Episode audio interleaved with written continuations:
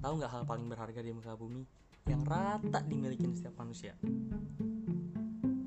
Hmm, gimana? Udah tahu? Ya, perspektif alias sudut pandang. Kalau ada yang tanya, emang perspektif seberharga apa sih?